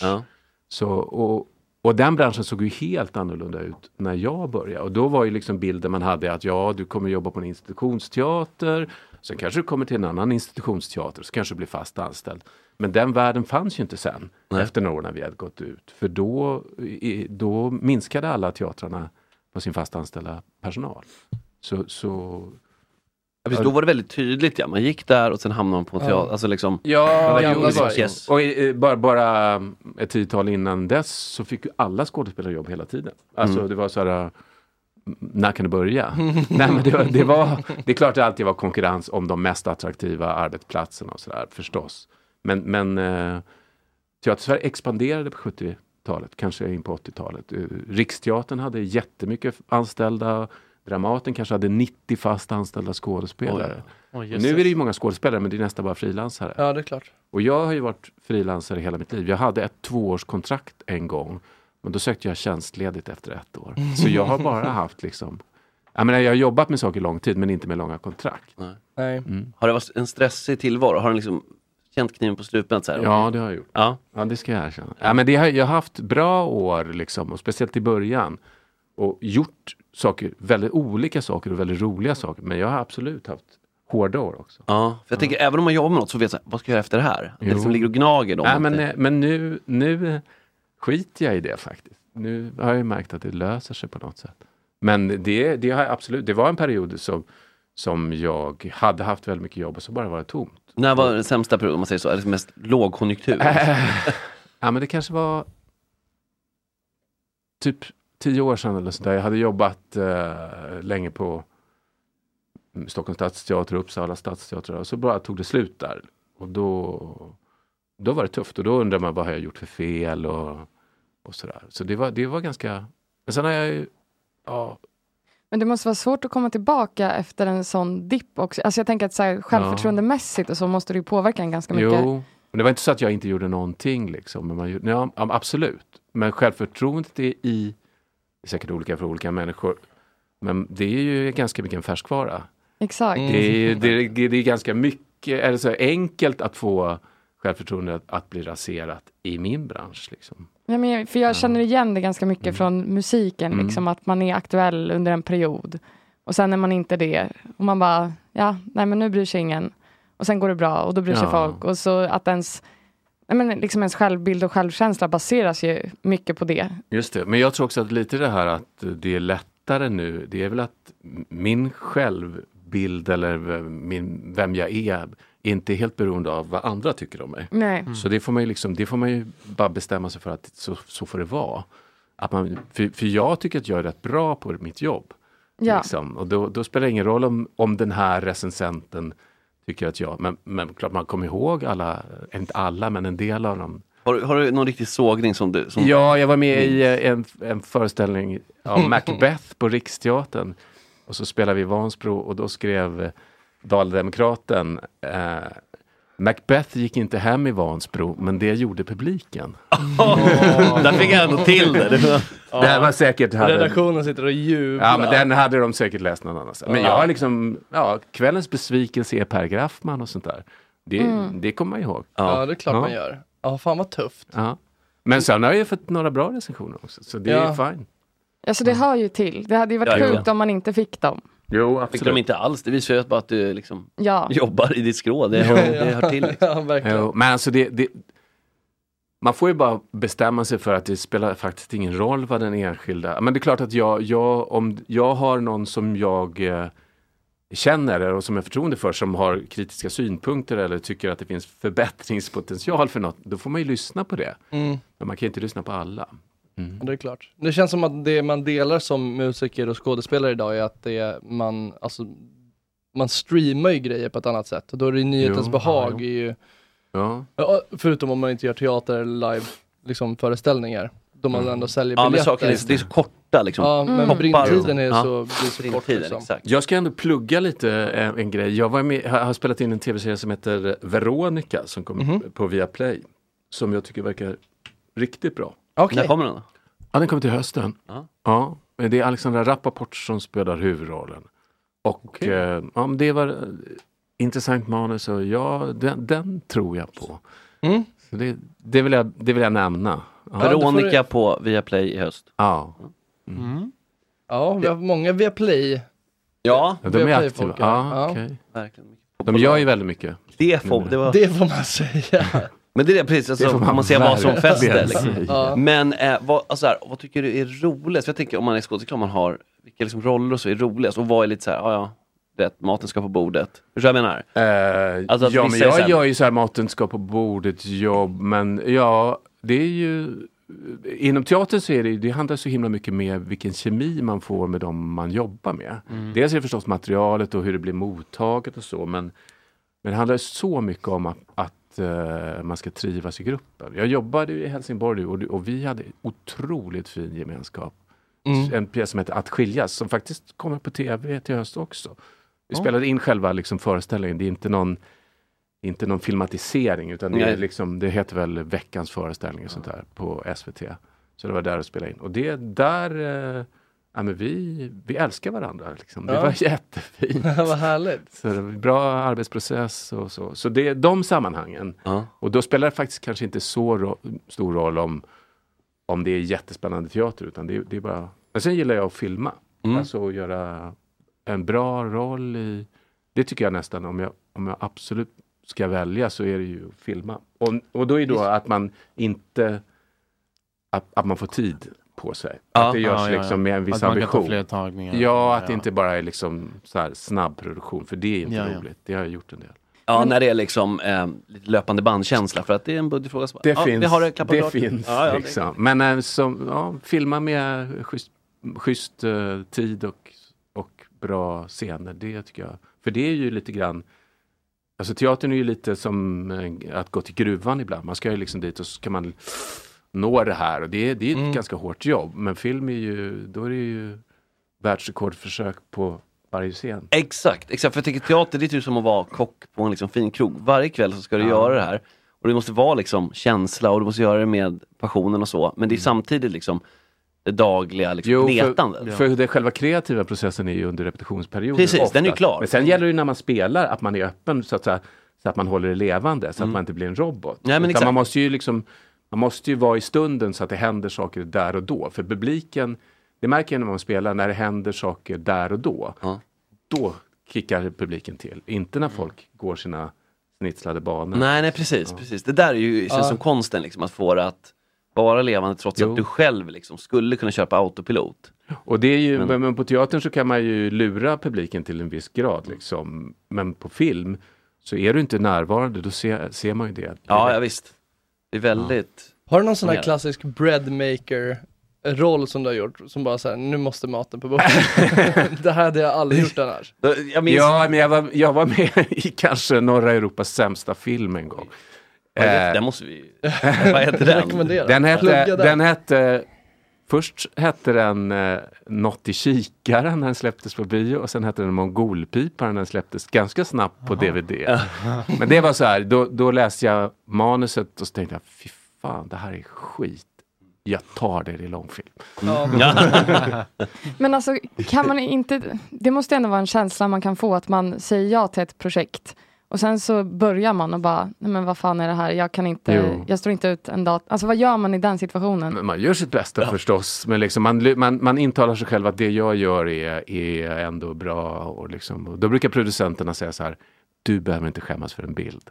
och det okej. betyder att du, du Ja. vadar i skit. Ja, exakt. Det måste ju vara så, alltså det måste Du håller ändå kännas, näsan för ytan här, Ja. dynghögen. det Liksom. måste ju kännas som att mycket står på spel liksom om man, ins- om man kanske inte vet att det är en B-film och sen så Nej, spelar man men, in och eh, bara, jävlar det här kommer förstöra min karriär. Ibland så är, ska jag säga, ibland har man ingen aning. Så att det där är lite, man vet inte. Jag har varit med om att göra grejer som jag tänkte så här, det här är väl inte så, det här är, är, är väl inte så lovande. Och sen har det visat sig bli jäkligt bra. Så man andra vet inte alltid. Liksom. Det måste vara svårt att döma ut någonting bara på manus. Jo, och sen är det så, man- Helheten är ju... Man, man, man skapar sig ju liksom en eh, illusion av att det är bra. Man ser, man ser, man ser eh, det positiva liksom. Ja. Annars kan man nog inte göra det. Nej precis, annars, att gå dit bara, det är så dåligt, det är så dåligt, det blir lite för jobbigt om det är en lång inspelningsperiod. Ja. Klara, ni gjorde ju eh, en gedigen cover på Martins Du är så yeah yeah wow wow för Funlight, Funlight va? Ja, exakt. Om jag inte minns fel. Och det en breadmaker story eller vad det Eh, ja men delvis Ja. så var det ju det, för det var ju reklam. Eh, men eh, Daniel Redgert Productions. exakt. Men vi skulle ju, så här, vi skulle aldrig gjort det om eh, vi inte tyckte att det blev bra. Nej. Eh, så att det var lite, mm, det känns ändå, Ni behöver inte skämmas för en, Nej, men det- en det tack. är Trots att vadar i skit. nej, men det var så här, tankegångarna gick ju lite så ändå. Att så här, Men det var reklam. exakt. Mm. Att För där är ju ändå liksom en, då vet man ju att syftet är ju inte något annat än att Nej men eh, precis, det som var, det, liksom det vi diskuterade var ändå att vi släppte en låt på Spotify som var reklam. Mm. Och att jag tänkte nog ändå att så här, men påverkar det här liksom vårt konstnärliga uttryck eller så här, vilka Ja. vi är och liksom drar det ner det andra vi har gjort. Eh, men vi är ganska så här, vi kör på allt vi tycker är kul. Och vi har ju också typ hoppat i genrer senaste åren och gör det som är kul. Så att det kändes också så här, det smälter in bra. Det är en, Men är, är det eran uh, huvudförsörjningskälla, musiken? Eller? Försöker vara. eh, och, men eh, ja, vi har ju lite andra grejer på sidan om också. Mm. Bara för att minska stressen. Alltså, jag kan inte skapa om jag känner mig ekonomiskt stressad. Eller så här, Nej jag, men precis, alltså, exakt, då blir det ju bara så här, okej. att allting som eventuellt kommer hända kommer ju, det kommer inte vara så kreativt nödvändigtvis. Eh, Nej men då kommer man Fruktbart. så här, om jag har kniven mot strupen för att skapa, då kom, alltså så här, vi får ju massa erbjudanden med saker som vi också tackar nej till. Mm. Eh, och eh, hade det liksom varit format på bordet eller inte, Mm. då hade vi nog tackat ja till fler saker och då hade vårt projekt Kanske inte. inte haft samma skäl kanske. Nej. Sen är det lite skillnad när man har familj att försörja. Och, då blir det ju... Då är, då är man Ja. kanske tvungen att... Ja men precis. Ja. Men jag upplever ju också typ att många som jobbar med musik och så, det cirkulerar ju någon myt där alla låtsas att de kan försörja sig på musik. Ja. Ja. ja, det är väl, ja, vad är det för märkligt? Nej men det är så jävla jobbigt och man bara, men hur, alltså, du klarar dig på musik och alla bara, ja, ja men det gör jag. Så bara, ja, okej. Berätta hur så vi kan eh, låna ritningen så att Ja, nej, men jag är sparsam, jag är matlådor. Bara, ja. Och vad, vad vill du att det ska, hur ska det se ut om fem år då? Om du får bestämma. Alltså med, Med musiken och det där. nej men det hade ju varit skönt att kunna försörja sig till 100% på musik och det har ju varit både mitt och Johannas mål alltid liksom att så här, vi behöver inte bli några världsstjärnor, alltså vi siktar ju inte internationellt heller utan vi vet ju att vi jobbar med Sverige som marknad liksom. Ehm, Det skriver också på svenska. så det är- Exakt. Så att det är väl typ så här max Norge, Danmark kanske också. Eh, Men målet är att absolut att så här, jag behöver, jag behöver inte jobba med de här extra grejerna eh, vid sidan om. Vi har, vi har en fråga från chatten också. Ja.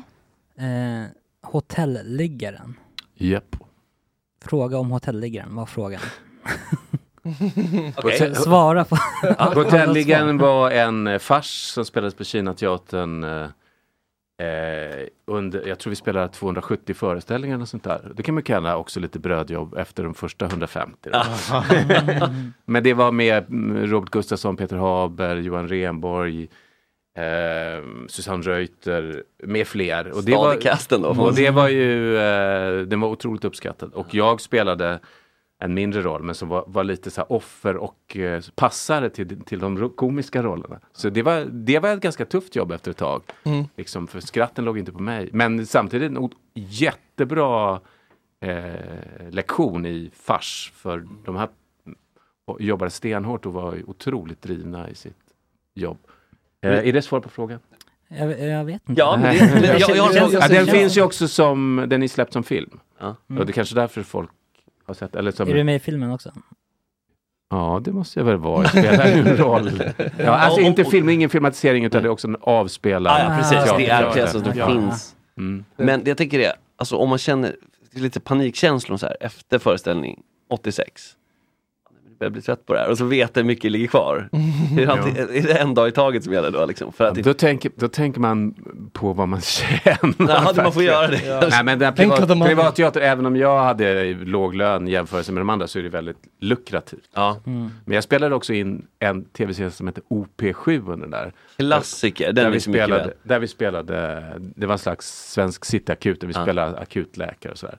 Så jag hade ibland, vissa, under de tider som jag gjorde det så, så var det jävligt roligt. Sen, sen var jag ganska låg ett tag och min dåvarande flickvän var så förstående att hon så här, hon eh, anmälde mig till en konstkurs och hon fick sen resa till London. För det var, det var tufft. Ja. Att, att, speciellt att vara Mm. då jag var också så, så, här utan kläder, hade brutit benet, alltså på scenen Ja, ja, i rollen och, och skulle passa de andra. Så det var ingen tacksam roll på det sättet. Den- jag hette Bigge med B och, vad, och vadå? På den tiden så var det så här man skämtade om att folk är homosexuella och skämtet var att, att jag påstods då vara homosexuell för att det var en, en eh, en eh, plott som, ja, det var så här, otrohet som skulle, ja men det var, Mm. det var ingen tacksam roll. Så det, var- det var, det blev ju en lektion men också en lektion i att hålla ut och bita ihop. Ja. liksom. ja, men det är en viktig lektion kan jag tänka Ja, mig. jo, det är men apropå marknad här, har, Mm. hur är det med internationella grejer? Har du varit in, alltså dels Eh. gjort och sen dels kikat så här, hmm, jag tror ändå jag skulle kunna Ja, nej, min, min eh, internationella karriär Mm. sträcker sig till en långfilm som gjordes i en Hollywoodproduktion eh, som heter Overboard och det är en remake av 80-talsfilmen Tjejen som föll över Ah, ja. Och den gjordes i, spelas in i Kanada med liksom Hollywood-skådespelare och jag blev väldigt god vän med John Hanna som är en fantastisk skådespelare. Han var med i Sliding Doors och Men vänta, fy- är det han som... äh, Fyra bröllop och en begravning. Jajamän, riktig klassiker. Ja, Han är han grym är en skotsk skådespelare och vi var ute liksom på kvällen och han bara, han var så jäkla skön och det var ju stora behållningen. Men eh, den kom aldrig på bio i Sverige, men den finns ju att se. Men hur hamnade du i den filmen då? Därför att eh, eh, jag var med en agent och så skulle de höra av sig till eh, Sverige. We need a Nordic actor for this part. Jag skulle spela norsk kapten på den här mm, yachten då som det utspelas på. Och eh, ja, och då är det ett 50-tal kanske nordiska skådespelare som skickar self-tape som det heter. Ja, det är klart. Och ja, så kom jag vidare och så fick jag rollen och sådär. Men då, och då fick jag ju lära mig norska. Och så skulle jag sjunga och dansa på norska. Och sen så när vi gjorde så här efteråt, skulle vi göra eh, ljudet så här, ah, you can improvise. Och jag bara, no. Jag är väldigt strikt här med Så här, min- jag håller det. Ja. Men det var, det var en väldigt rolig upplevelse faktiskt. Ja, men kul. Åka, åka över till Kanada.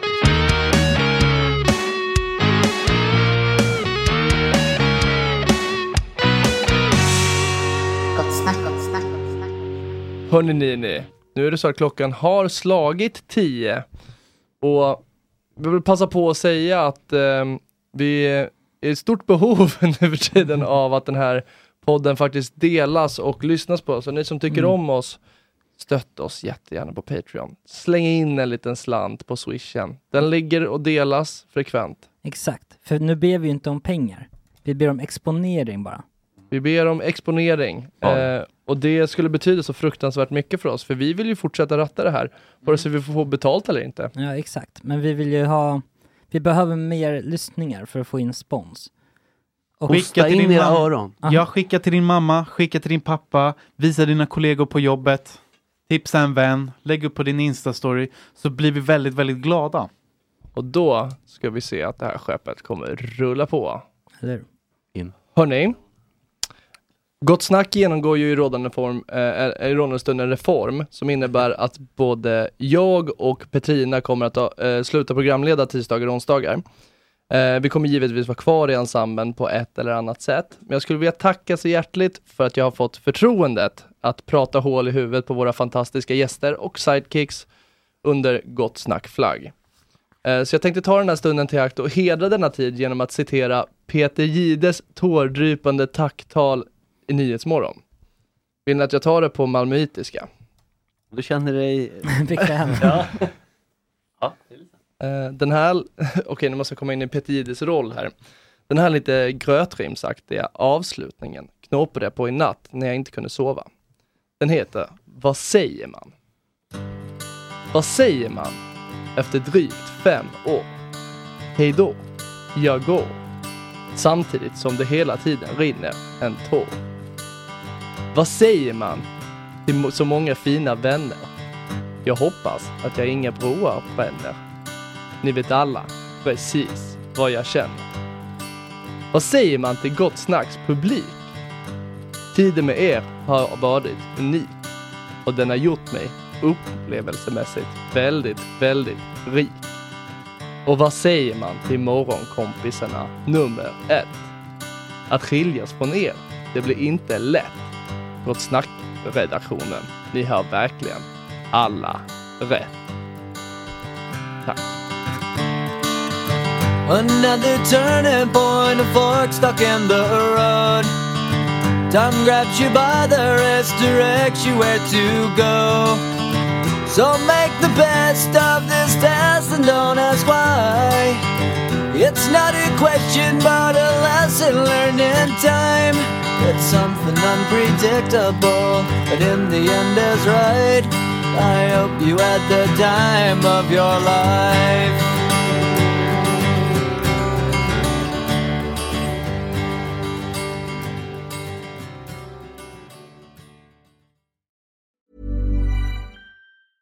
Even when we're on a budget, we still deserve nice things. Quince is a place to scoop up stunning high-end goods for 50 to 80% less than similar brands. They have buttery soft cashmere sweaters starting at $50, luxurious Italian leather bags, and so much more. Plus, Quince only works with factories that use safe, ethical, and responsible manufacturing. Get the high-end goods you'll love without the high price tag with Quince. Go to quince.com slash style for free shipping and 365-day returns. Imagine the softest sheets you've ever felt. Now imagine them getting even softer over time. That's what you'll feel with Bowl and Branch's organic cotton sheets. In a recent customer survey, 96% replied that Bowl and Branch sheets get softer with every wash. Start getting your best night's sleep in these sheets that get softer and softer for years to come. Try their sheets with a 30-night guarantee. Plus, get 15% off your first order at bowlandbranch.com. Code BUTTERY. Exclusions apply. See site for details.